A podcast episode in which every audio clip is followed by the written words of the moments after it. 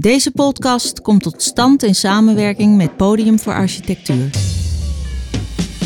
Theo Baart dacht dat hij in Hoofddorp woonde, een voorstad van Amsterdam. Maar hij kwam erachter dat hij in een metropoolregio woont en werkt. Maar wat is dat? Van een stad, een dorp of het platteland kan iedereen zich wel een voorstelling maken. Maar een metropoolregio? In een podcastserie van 10 afleveringen gaat Theo in gesprek met ontwerpers en beleidmakers over de opmerkelijke zaken die hij tijdens zijn tochten door Groot Amsterdam heeft gezien. Nieuwsgierig zoekt hij naar de randen van de stad en bespreekt hij met zijn gesprekspartners diverse ruimtelijke vraagstukken. Dit is berichten uit de metropoolregio. Groot Amsterdam bestaat. Seizoen 1, aflevering 1. Fotograaf en schrijver Theo Baart gaat één op één in gesprek met Tom Bossink. Tom Bossink is planoloog bij de provincie Noord-Holland en betrokken bij ongeveer alle grote ruimtelijke opgaven in de metropoolregio. Tom, in je paspoort staat dat je planoloog bent. Wat is een planoloog? Een planoloog. Ja, ik, ik heb dat toevallig gisteravond moeten uitleggen aan mijn nichtje, die kapster is. En die vroeg zich af van, jij bent planoloog, wat is dat? En ik zei van, ja, wil je het korte of het lange antwoord? Ze zei, nou doe eerst maar het korte. Toen zei ik, nou het is gelul in en over de ruimte. Um, maar het lange antwoord is dat planologen, dat zijn een beetje soort tolkvertalers. Die hebben een verstand van alles wat ruimte vraagt. Eigenlijk in jouw eigen leefomgeving. En dan moet je denken aan woningen die ergens moeten komen. Er moet ergens worden gerecreëerd. Uh, je wilt van A naar B komen, of dat nou met een auto, openbaar vervoer of een fiets of lopend is. Uh, je wilt ook nog dat dat in een beetje gezonde omgeving gebeurt. Hè, dus dat de luchtkwaliteit een beetje goed is. Maar probeer dat nou allemaal maar eens te combineren. Nou, een planoloog is in staat, omdat hij kennis heeft van al die verschillende vakdisciplines, om de mensen die er echt verstand van hebben, met elkaar te laten pra praten en gezamenlijk ook tot een goed voorstel te komen. Ja, dat is een hoop. Hè? Dus het is ook gewoon gelul in en over de ruimte. Maar eh, eh, is het wetenschap of is het iets toegepast? Hoe moet ik dat zien? Nou, het is, het is wel degelijk wetenschap. Je kunt je ook specialiseren binnen planologie op een aantal dingen. Eh, bijvoorbeeld over bedrijven en voorzieningen. En dan kun je heel goed uh, wetenschappelijk mee omgaan. Hè. Er zijn allerhande onderzoeken, bijvoorbeeld als je kijkt naar als je een winkelcentrum bijvoorbeeld wilt, uh, wilt realiseren. Hoe lopen mensen eigenlijk door een winkelcentrum heen en wat beweegt ze letterlijk van de ene kant naar de andere? Er is heel veel onderzoek over gedaan. Dus echt fact-based. En um, ja, als je kijkt naar bijvoorbeeld woningbouw, Waarom moeten we nou al die woningen bouwen? Wat een onzin. Kan het niet uh, gewoon lekker zo blijven? Samengewerkt aan een, uh, aan een boek over de metropoolregio Amsterdam. Uh, dat hebben we meteen anders genoemd. laat het beestje maar bij de naam noemen. Groot Amsterdam. Want het gaat eigenlijk om Amsterdam en wat het effect van Amsterdam heeft op de omgeving. En wat de omgeving kan betekenen voor, voor Amsterdam. Dus die naam Amsterdam die mag wel met hoofdletters geschreven worden. En de omvang is ook uh, ja, is ook wel uh, relevant. De, de, de, vraag die we met dat boek stellen is: uh, ja, bestaat Groot Amsterdam eigenlijk wel? Nou, ik denk dat ik het antwoord wel een beetje weet, maar ik ga hem toch aan jou stellen. Na onze drie jaar zoektocht naar het antwoord, is het antwoord voor jou duidelijk? En wat is het? Bestaat het? Ja, het bestaat, Groot Amsterdam voor mij bestaat het. Maar de vraag is natuurlijk veel meer daarachter. Waarom bestaat het volgens jou? Hè? En dat, ja, dat probeer ik altijd maar uit te leggen aan uh, de hand van voorbeelden. Uh, hoe mensen hun omgeving gebruiken. Daar ben ik echt door uh, gebiologeerd. En dan zul je zien dat, nou ja, we hebben de boel hier verdeeld in dit land. Hè, met gemeenten, provincies, dan nationale overheid. En we hebben natuurlijk ook de EU. maar in hoeverre en dat is een leuke vraag voor jezelf ook. Hè? Ga maar na. In hoeverre trek jij je wat aan in je dagelijks leven van een gemeentegrens? Ik heb dat nog nooit gedaan. Um, ik woon zelf in, in, in Amsterdam. Ik um, werk in Haarlem normaal gesproken. Mijn ouders die wonen in Nieuw-Vennep in Haarlemmermeer. Uh, ik heb lang gevoetbald en dan voetbalde ik bijvoorbeeld uit bij Almere Buiten. Uh, mijn oma woonde in Ouderkerk en Amstel. En dat is zo'n beetje, als je dat voor jezelf uittekent op de kaart, dan zie je dat, uh, en dat geldt voor heel veel mensen, dat, dat ja, de, de, de relatie, zeg maar, of het dan gaat over je, waar je werkt, hoe je recreëert, hoe je in sociaal opzicht je beweegt door je omgeving, dan trek je eigenlijk nooit wat aan voor die gemeentegrenzen. En uh, dit is heel aardig. Jij vroeg net ook over wetenschappelijk. Hè? Wij onderzoeken heel veel van dit soort dingen. En in deze tijden waarin je heel veel beschikking hebt over data, dan leg je een aantal dingen bloot. En wat blijkt? Dat 80% van de functionele relaties noemen we dat dan altijd, maar gewoon hoe je je beweegt door zo'n regio heen. 80% vindt plaats ongeveer in de grootte van het gebied wat wij beschrijven in dit boek. Ja, ja. En dat is voor mij de definitie van Groot Amsterdam. Is 80% van al die relaties, wonen, werken, sociaal, recreatief, in 80% uh, uh, van de gevallen vindt het plaats op het schaalniveau, zoals we dat dan weer uh, duur noemen, in wat wij in het boek Groot Amsterdam noemen. Maar nou is het ook zo dat uh, het zijn logische verplaatsingen waar waarschijnlijk iedereen zich wel in zal, zal herkennen, maar dan is nog steeds niet duidelijk voor die gebruiker die zeg maar in zijn gedrag bewijst dat, dat, dat, dat zijn leefomgeving nou, ja, ongeveer die maat heeft, dat het ook een entiteit is of een eenheid is waarin hij zich herkent of een soort identiteit aan, uh, aan hecht. En het vervolg daarvan, hè, als het bestaat, dan betekent het bestuurlijk natuurlijk ook iets. Hè? Maar dat is iets voor later, kunnen we het wel over hebben. Maar is het mogelijk dat je uh, uh, ja, wel al die verplaatsingen doet per dag, maar dat je denkt van nou, het zal wel, ik woon toch gewoon in Nieuw-Vennep en Nieuw-Vennep is uh, nou, de navel van, van de wereld. dat is, is dat herkenbaar, dat, dat sentiment? Kom je dat wel eens tegen als je die term roept van, of gebruikt van het Groot Amsterdam of de metropoolregio, dat mensen zeggen, ja, hoezo, waar heb je het over? Ja, klopt, dat kom je natuurlijk heel vaak tegen. Ik denk dat het deels ook met onze volksaard te maken heeft. Hè. Doe, doe me normaal, dat doe je al gek genoeg. En pop, pop, metropoolregio's. Het is geen Londen of Parijs. Nou, gelukkig is er misschien ook geen Londen of Parijs. Want wij hebben nog een beetje een menselijke maat hier, zoals we dat noemen. Maar um, nee, kijk, het is, het is uh, de vraag of dat nou heel belangrijk is voor mensen om te weten van ik woon in Groot Amsterdam. Maar je, je hebt er eigenlijk verschillende antwoorden op. Eén is, um, ga eens voor jezelf na. Je gaat op vakantie, weet ik het, naar Spanje of, of, of, of, of misschien wel verder weg. En uh, mensen vragen, waar kom jij vandaan? Ja. New Vennep? Of is het van nou, het is toch uh, snel uh, van nou in de buurt van Amsterdam of zo, weet je? Ja. Om het maar te duiden, zodat ja. mensen toch enig, enige notie hebben. Is het nou heel erg belangrijk in je dagelijks leven? Nou, uh, dat, dat deel niet. Dat is meer het sentimentele deel. Um, maar wat ik veel interessanter vind, is eigenlijk um, met die schets die ik net gaf, hè, hoe mensen hun omgeving gebruiken, dat moet wel gefaciliteerd worden. Ja. Mensen klagen wel heel snel op het moment bijvoorbeeld dat er heel veel files zijn en uh, kan er niet een strookje bij. Of uh, dat het openbaar vervoer niet frequent genoeg rijdt. Of dat er niet voldoende huizen zijn. Of dat je niet heel makkelijk kunt recreëren. Nou, op dat moment denk ik van, hé, hey, dan wordt het wel relevant. Want je kunt al die wensen die we met z'n allen hebben, natuurlijk niet allemaal in, nou ja, maar bij Nieuw-Vennep te blijven, in Nieuw-Vennep kwijt. En dan wordt ineens de regioschaal wel uh, uh, relevant voor mensen. En dan moet je ook nog, en dat gaat over het kweken van bewustzijn hiervan.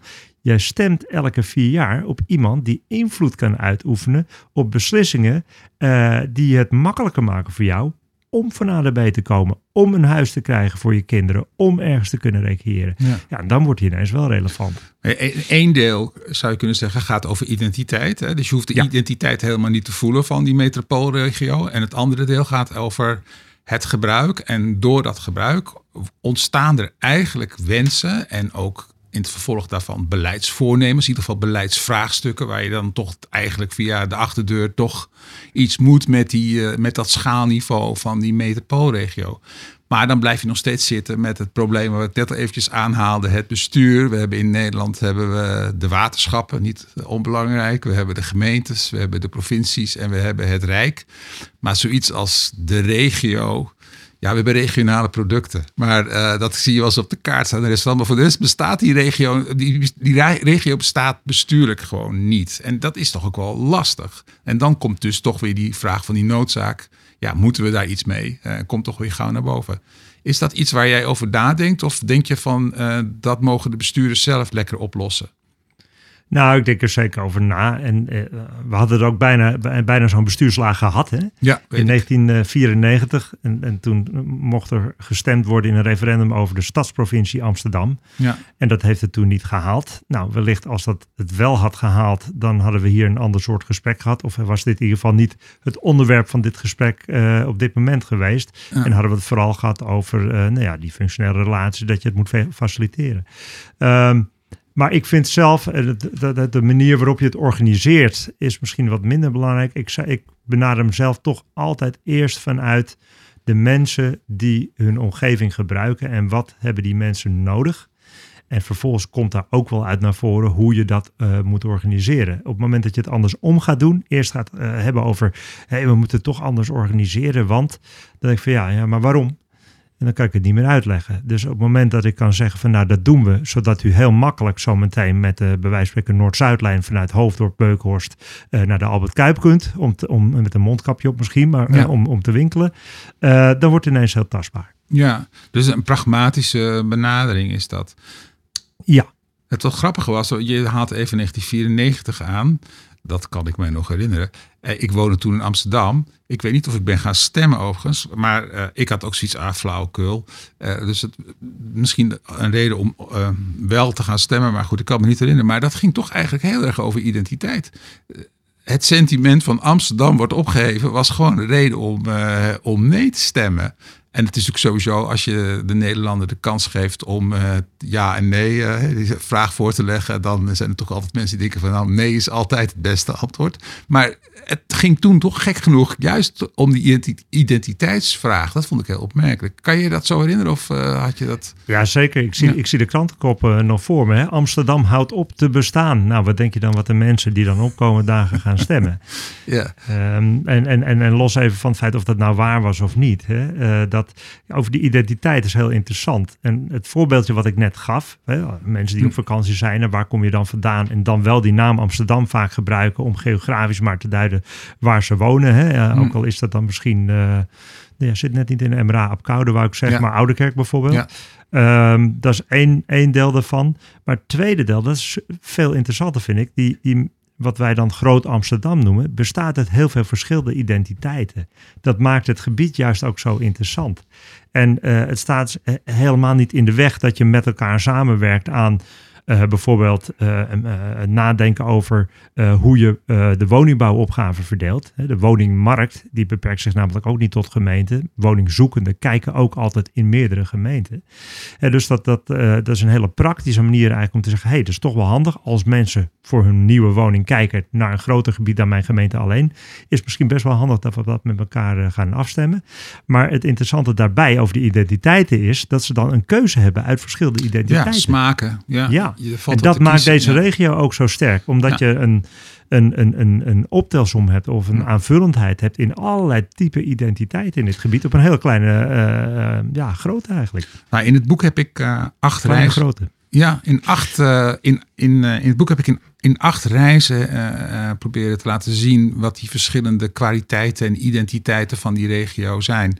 En ja, ja het is, het, ik vond het natuurlijk eigenlijk ongekend, die variëteit. En ik vroeg me ook af, zo reizend, en ook, uh, of uh, juist de kracht van de regio niet ligt in die, uh, in die verschillende, lokaliteiten, uh, verschillende identiteiten. En als je al een kans wil maken met, een, met op regionale schaal iets te besturen en aan te pakken, dat je niet juist dan die lokale verschillen zo groot mogelijk moet maken, zodat je kan zien dat er voor iedereen wat te halen valt. En, maar dat betekent ook dat je uh, afwegingen zou moeten gaan maken. Nou, dat wat je in Almere kan doen, moet je dan misschien niet in Hoofddorp doen en omgekeerd. Hè? Dus dan betekent dat bestuurders toch uh, uh, op lokale niveau afwegingen moeten maken die ja, ja, eigenlijk worden ingebracht door die regionale schaal. En dat blijkt als je met bestuurders praat, vooral lokale bestuurders, weer heel erg ingewikkeld zijn.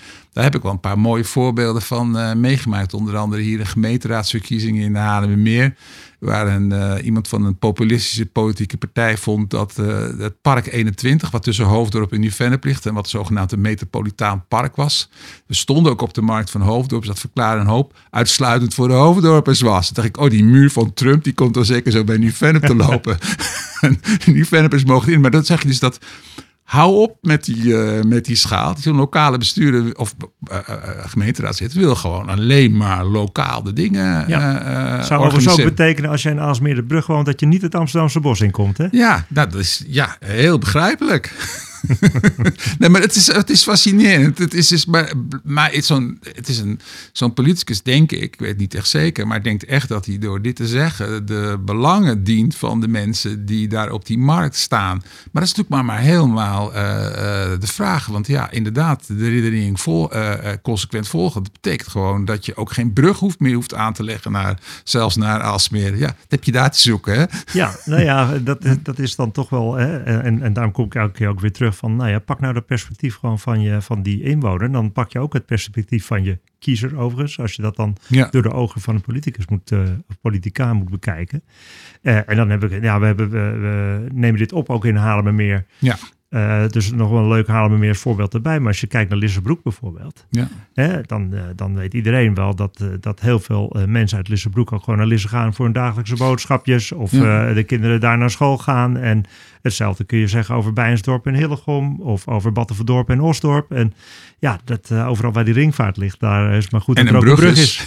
ja, ja. Nou ja, maar, misschien moet je uitleggen wat daar gebeurt bij Lissabroek. Want daar is dat, dat, niet alleen dat dat dorp, dat ligt er al honderd jaar maar daar gaat ook nog het nodige gebeuren. En daar zijn ook tegelijkertijd bij die opgave de nodige uh, problemen, omdat het juist die, om die locatie gaat. Kan je dat toelichten? Ja, over die locatie en ook over de omvang bedoel je dan. Want ja. het is een, dat, dat, dat is wel een heel opmerkelijk. En het was eerlijk gezegd ook een van de eye-openers die ook door jou eh, is aangereikt. En ik had hem zelf op dat moment nog nooit zo op die manier beschouwd. Maar het gaat daar toch over, over plannen die daar liggen met uh, duizenden woningen. Wat op zichzelf, zeg maar, lokaal, nou, misschien ook wat voordelen geeft. Maar tegelijkertijd misschien ook wel wat, uh, wat schrik aanjaagt. Hè? Want het dorp wordt ineens, ja, groeit uit zijn voegen. maar inter interessant vond ik juist op die regioschaal dat heel veel discussies gaan over grote woningbouwprojecten. En dan nou, lees je in de regionale kranten op zijn minst nog wel eens wat over het Amsterdamse en bijvoorbeeld zo'n buurt als Sluisbuurt op Zeeburger Eiland. En dan blijkt dan gewoon die locatie op Lissabroek ongeveer even groot te zijn als, als, als uh, sluisbuurt waar die kranten dan van vol staan. Hè? Dus dat en daar wordt niks over gezegd. En daar wordt er niks over gezegd. En um, terwijl daar ook best wel veel vergelijk zit in bijvoorbeeld van ja, wat betekent dat dan om bijvoorbeeld daar de boel ook bereikbaar te houden of te maken. Uh, net zo goed als dat inderdaad in Sluisbuurt, wat dus wel in uh, de kranten terechtkomt, ja. ook geldt. Ja, en wat, wat mij ook nog trof was dat, dat Lissebroek, dat ligt dus in de Haarlemmermeer. En dan heb je dat, die, die, die, die sloot, die heet natuurlijk de ringvaart, met een brug eroverheen. Lisse aan de andere kant, waar je net al schetst, daar maken mensen gebruik van alle voorzieningen. Maar Lisse is een andere gemeente. Maar Haarlemmermeer is de provincie Noord-Holland en Lisse is de provincie Zuid-Holland. En een, een, een, een beleidsambtenaar die, uh, hier lang heeft gewerkt, zei dat, dat die ringvaart dan zeg maar bestuurlijk gezien uh, ongeveer te vergelijken valt met de Berlijnse muur. Die twee werelden zijn bijna niet met elkaar in uh, contact te brengen. Als burger denk ik dan, nou dat is toch wel gênant dat, dat uh, gemeentegrenzen en provinciegrenzen adequate oplossingen, hè, bijvoorbeeld een extra bruggetje of zo, of elkaar een beetje helpen met de kosten van het zwembad, dat dat dan zulke barrières zijn. Dat, dat is toch, uh, ja, wat net al zeg, te gênant voor woorden. Maar het komt dus voor. Dat komt zeker voor. Daar heb je ook hele, ehm, nou ja, beeldende uh, voorbeelden van bijvoorbeeld een N206. Dat is dan een weg die door Zuid-Holland door de Bollenstreek loopt. Ja. Maar die gaat haaks naar rechts bij de provinciegrens met Noord-Holland. Ja. Daar viel overigens wat voor te zeggen in die tijd. Het is al, al tientallen jaren geleden natuurlijk dat die weg is aangelegd. Maar die kwam dan door een heel zeg maar, kwetsbaar uh, gebied hè, binnen hmm. Duinrand en met bossen enzovoort. Maar ja, je kunt dus fysiek zien waar de provinciegrens ligt daar. Ja. Omdat die weg die houdt er eigenlijk gewoon ja. ineens op. Ja. Dat is toch wel heel bijzonder. En uh, nee, maar daarom, ik, uh, dat verval ik enigszins in herhaling. Mm. Maar daarom vind ik dus dat perspectief van die, die gebruiker of die, die inwoner of die mensen die op bezoek komen zo interessant. Omdat die zich dus niets aantrekken van ja, die ringvaart. Die, die, weten dat dit en, waarschijnlijk En als je daarmee, zeg maar, ja. en dat is dan de, de, de link en, en, en, en die we ja, ook denk ik ook met het boek, ook met heel veel beeld en ook wat tekst probeert te maken, om dat bewustzijn te vergroten. Mm. Van, ehm, nou ja, we, we proberen natuurlijk een aantal dingen duidelijk te maken, maar een van die dingen is toch wel ook van, kijk hoe die mensen hun omgeving gebruiken. Ja. En, en, en besef ook dat dat vaak een groter gebied is dan waar jij dan toevallig net over gaat. In het, met het boek was niet alleen maar het, het laten zien van die verschillende identiteiten en kwaliteiten van het gebied. Maar we hebben er ook aan gekoppeld. Hè. Jullie hebben de kaarten gemaakt, jij en uh, Jurjen Charks. Uh, stedenbouwkundige ook uh, in dienst van de provincie. Die kaarten die gaan over de grote bewegingen eigenlijk in het gebied. wat gaat er veranderen door nou, de bekende lijstje die, die vaak worden opgenoemd. de energietransitie, de klimaatadaptatie, de woningbouwopgave, de veranderende mobiliteit. Het, en, en, en dat is nog maar een begin van het lijstje. Eigenlijk op alle plekken waar ik ben geweest met de camera kan je zeggen van uh, nou het is leuk dat ik het heb gefotografeerd want uh, het gaat ingrijpend veranderen door die thema's die we net, net genoemd hebben. Dat is ook eigenlijk wel een heel erg verontrustende mededeling. Je zegt er, er zijn heel veel verschillende kwaliteiten en identiteiten in het gebied en dan gaat het ook nog eens een keertje totaal uh, uh, veranderen. Dat is een, soort tweetraps, uh, twee, tweetraps raket. Um, denk je dat heel veel mensen bewust zijn van wat er boven ons hoofd hangt aan veranderingen? Nee. Nee, dat denk ik. Ja, dat zal natuurlijk per, per persoon verschillen. Hè. Sommige mensen heel erg. maar ik denk grosso modo de meeste mensen niet. Of op zijn minst niet in de samenhang waarin wij dat proberen. of hebben geprobeerd te verbeelden. Um, maar wat, um, wat daarbij helpt, en dat is ook een van de redenen dat in het hoofdstuk wat uh, het kaartendeel bevat, dat we Ja, beginnen boek, met een ja. reeks historische kaarten. Ja. En daar zijn we niet, eh, zeg maar, tot met, eh, nou ja, laat zeggen 500 voor Christus en het oerij eh, zijn we niet begonnen. We hebben gewoon de laatste 200 jaar gepakt. En alleen al als je de laatste 200 jaar op die kaarten, en het zijn echt maar een paar kaarten, eh, op een rij ziet, dan, dan zie je de enorme veranderingen die in die afgelopen 200 jaar hebben plaatsgevonden. Hè. Een paar voorbeelden daarbij. Eh, ik vind het wel leuk om meer eens voorbeelden, Theo, erin te gooien, omdat we daar nu eh, zitten. Ja. Maar eh, het, het Haarlemmermeer, hè, Ja. dat was gewoon een enorm groot meer met een paar eilandjes erin. Ehm, en dat is op een goed moment is dat drooggelegd, hè, in 12 jaar tijd, tussen 1840 en 1852. Nou, die kaarten die je daar ziet, daar zie je in ene, bam, in ene is dat geen water meer, maar is dat land. En dat is niet alleen maar op die plek, hè, want dit was gewoon natuurlijk een heel groot waterland. Maar het is overal het ei, ik noemde het het oerei, maar dat ei, Ja, daar is is gigantisch. 90% van drooggelegd. Ja. En dat is in een aantal eeuwen is dat gebeurd. Dus die grote verandering die zie je op die kaarten heel erg. En dat geldt ook en zeker voor de verstedelijking. Hè, dus zeg maar het bouwen van al die wonen en bedrijven. En ehm, daar zie je met name ook in de, in de periode. Nou, het, zijn, het is eigenlijk schoksgewijs gegaan. Hè. In de Mhm. 19e eeuw kreeg je de industriële revolutie. En toen kreeg je een enorme trek naar de stad, want daar was het werk. En, en je ziet dan in ene hè, de 19e eeuwse wijken van alle steden. Of dat nou in Haarlem is of bijvoorbeeld in, eh, in Amsterdam. Hè, eh, wijken als de Pijp en de Staatsliedenbuurt, die zijn allemaal in eenzelfde eh, periode gebouwd. En toen kreeg je een hele schok. Daarna, in, tussen de twee wereldoorlogen in, toen was het natuurlijk eventjes, eh, ja, werd er niet zoveel gebouwd. Er werd heel veel kapot gemaakt. Maar daarna kreeg je die, die wederopbouw. Ja. En dan, bam, hup, weer een enorm stuk stad erbij, weet je. En, en dat is zo snel gegaan. En dat zie je ook op die kaarten. Maar de portée natuurlijk daarvan en de boodschap van die kaarten is... mensen, verandering is echt van alle tijden. Dus Ja. schrik er nou niet van. Dit is wat we continu hebben meegemaakt. Het feit dat wij dit hier kunnen opnemen... heeft ook wel heel erg te maken met het feit dat het hier ooit is drooggemalen. ja, ja. En we moeten Er zullen er- ook wel mensen tegen zijn geweest, maar volgens mij was er een grote urgentie. Want het heette niet voor niets de waterwolf, hè? Ik denk dat er wat vissers waren die problemen ermee hadden. Dat- maar nou, maar de, kijk, eh, maar het is, ook, het is ook heel erg lastig voor te stellen. Wat, wat, is, wat is de energietransitie en wat betekent dat voor mij als ik uit mijn raam kijk? De bodemdaling, wat gaat er gebeuren? Wat is dat? Staat opeens het water tot de eerste verdieping ongeveer? Eh, veranderende mobiliteit. Kan ik dan straks niet meer autorijden zoals ik dat nu gewend ben? Dat zijn, dat zijn vragen die, eh, die, die je niet 1, 2, 3 kan beantwoorden. Maar je weet wel dat het anders zal gaan. En, maar je kan er ook weer niet meteen een tijdpad aan, eh, aan vastknopen. dus het, je blijft wel hangen in een aantal onzekerheden. Behalve de Klopt. zekerheid dat het, dat het straks over 20 jaar er behoorlijk anders uit zal zien. Hoe, nou, terug naar die eerste vraag: wat doet een planoloog? Nou, dat, dat, ehm, dat heb je verteld, maar ehm, je hebt nu samengewerkt voor dit boek met een, met een fotograaf. Ehm, beeld is toch wel leidend, mag ik zeggen. Bij 384 pagina's, waarvan er geloof ik 260 alleen maar met foto's zijn. Is beeld voor jou, was dat eh, op zo'n manier beeld gebruiken, was dat voor jou nieuw?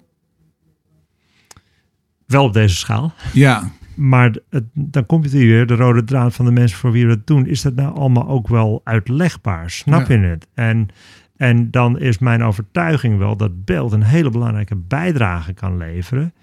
Uh, wel in de combinatie met tekst, maar wel met een sumiere bijdrage van de tekst en veel meer met beeld. Om een, ook een, een grotere groep mensen uh, te helpen, uh, bewustzijn te vergroten, dat die verandering op hun leefomgeving afkomt. Uh, en overigens, dan pak ik meteen, Theo, niet alleen, laat zeggen, fotografie erbij, maar ook kaartbeelden. hè? het, is, het, is, beeld, het is beelden in, in, in een brede definitie. Uh, kaartbeelden met het verhaal wat ik net vertelde. Hm. Dus dat de relativering van, hé, hey, er is altijd verandering geweest. En dat kun je laten zien. Dat kun je beschrijven. Doen we ook, heel kort. Maar je kunt het laten zien met slechts een aantal kaartbeelden. En vervolgens zeggen we van, weer met beelden. Uh, ja, let op. Maar we hebben ook wel wat onderzoek gedaan. Bijvoorbeeld over het feit dat we. Wat gebeurt er nou op het moment dat uh, de dijken breken? En, en wat betekent dan, dat dan voor overstromingsrisico's en hoe hoog het water staat? Nou, dat kun je allemaal heel mooi beschrijven. Maar als jij een beeld hebt met jouw woonplaats erin en je ziet een cijfertje daarbij, min 5, en je gaat dan naar een ander beeld bij pakken, een fotobeeld, en je denkt, verdomme, dat is bij mij om de hoek zeg. Ja. Dat wil ik niet. Ja. Maar dat zie je niet. En daarom zeg ik ook, is het, het, dat vind ik ook het leuke van ons boek, is dat het een combinatie is van tekst, kaartbeeld, uh, bijna anekdotisch jouw reisjournaal door die metropool heen. En een, heel, een heleboel foto's ook in, een, in lijnen, zeg maar, in, in reizen door die metropool die volgens mij herkenbaar zijn.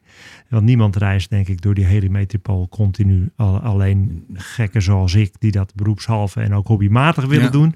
Maar mensen die doen dat wel in hun buurt. En daarom zijn die lijnen in, dat, in het verhaal. En dat helpt, want je helpt mensen door die beelden herkenbaar, want het is bij jou in de buurt. Je doet dat via zo'n zo'n lijn, zeg maar, door die regio heen. En dan denk je, jeetje, staat dat allemaal hier te wachten?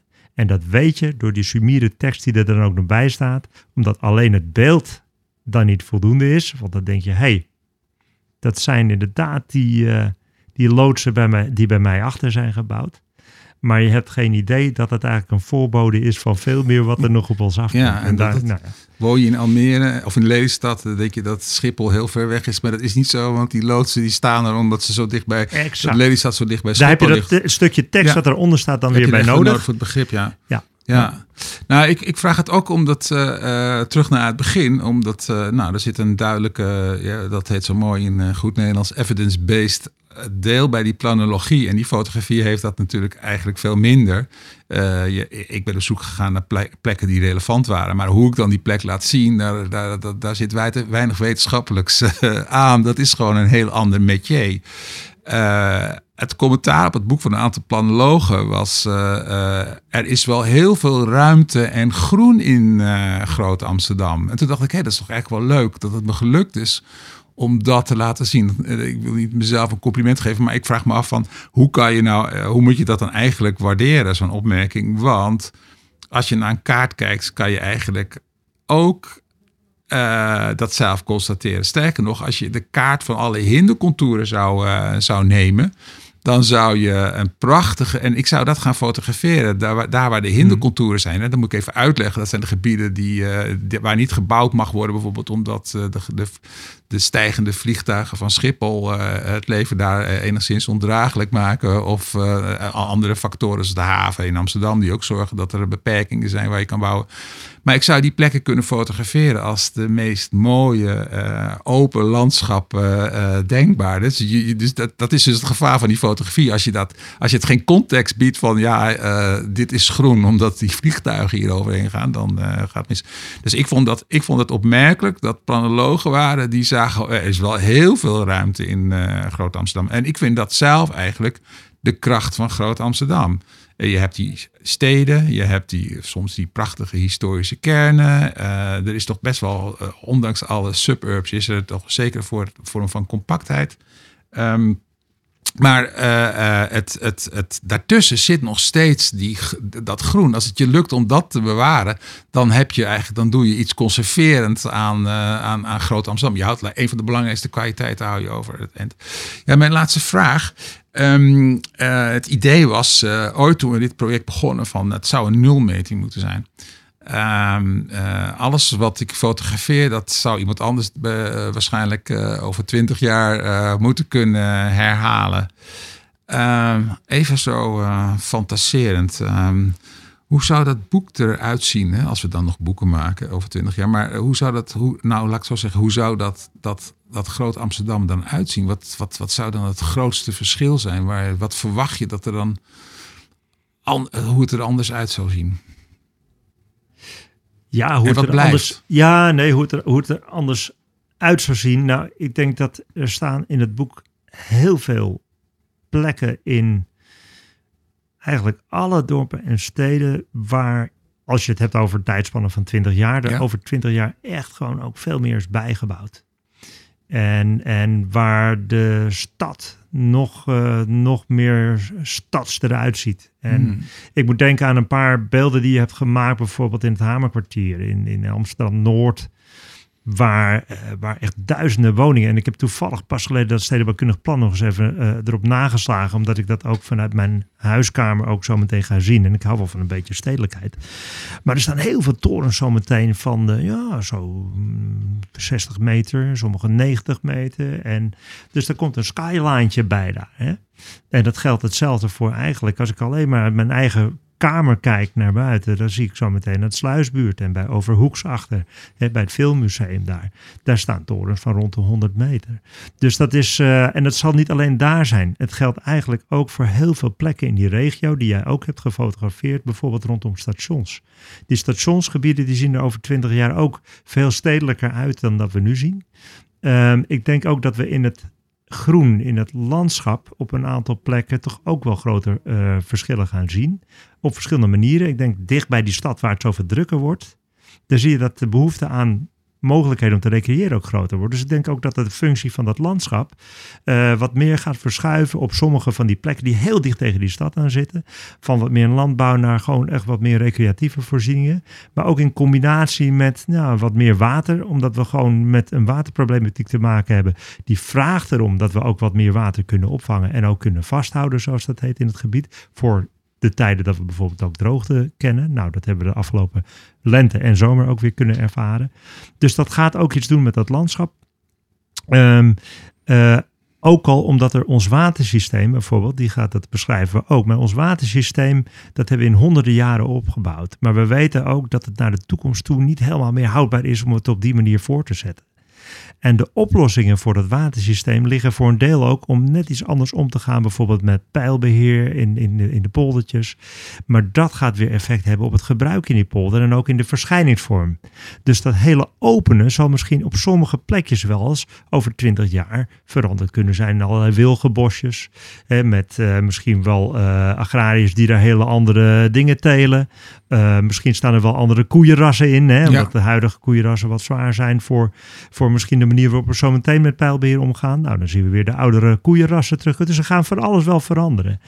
Um, dus ja, in het landschap en in de stad denk ik toch echt wel, uh, wel andere beelden. Blijven er ook dingen hetzelfde? Vast. Dat hebben we natuurlijk ook wel gewoon gezien uh, op een aantal beelden. Dat je denkt van hé, hey, dat heb ik ook wel. Je hebt een hele mooie plaat gemaakt. Even de locatie kwijt. Je zit in de, voor mij in de lijn uh, die vanaf de Beemster komt richting Amsterdam Noord. En dan zie je de mensen schaatsen. Ja. Dat vind ik, Theo, echt een beeld. Ja. Hendrik Haverkamp, weet je, dat is gewoon een... Maar dan nu, hè. En ik denk dat je zo'n beeld ook nog steeds wel uh, zult terugvinden. Oké, nou... Misschien zonder het ijs over twintig jaar. Ja, dat, dat maken we niet meer mee. Maar dat er dan de skyline, in, skyline in de vette ligt van dat beeld, dat zal dan wel lukken. Nou, ik, eh, eh, Ton, ik stel toch maar voor dat we over twintig jaar het nog maar een keertje doen. Ik zit dan uh, waarschijnlijk, ik loop achter de rollator.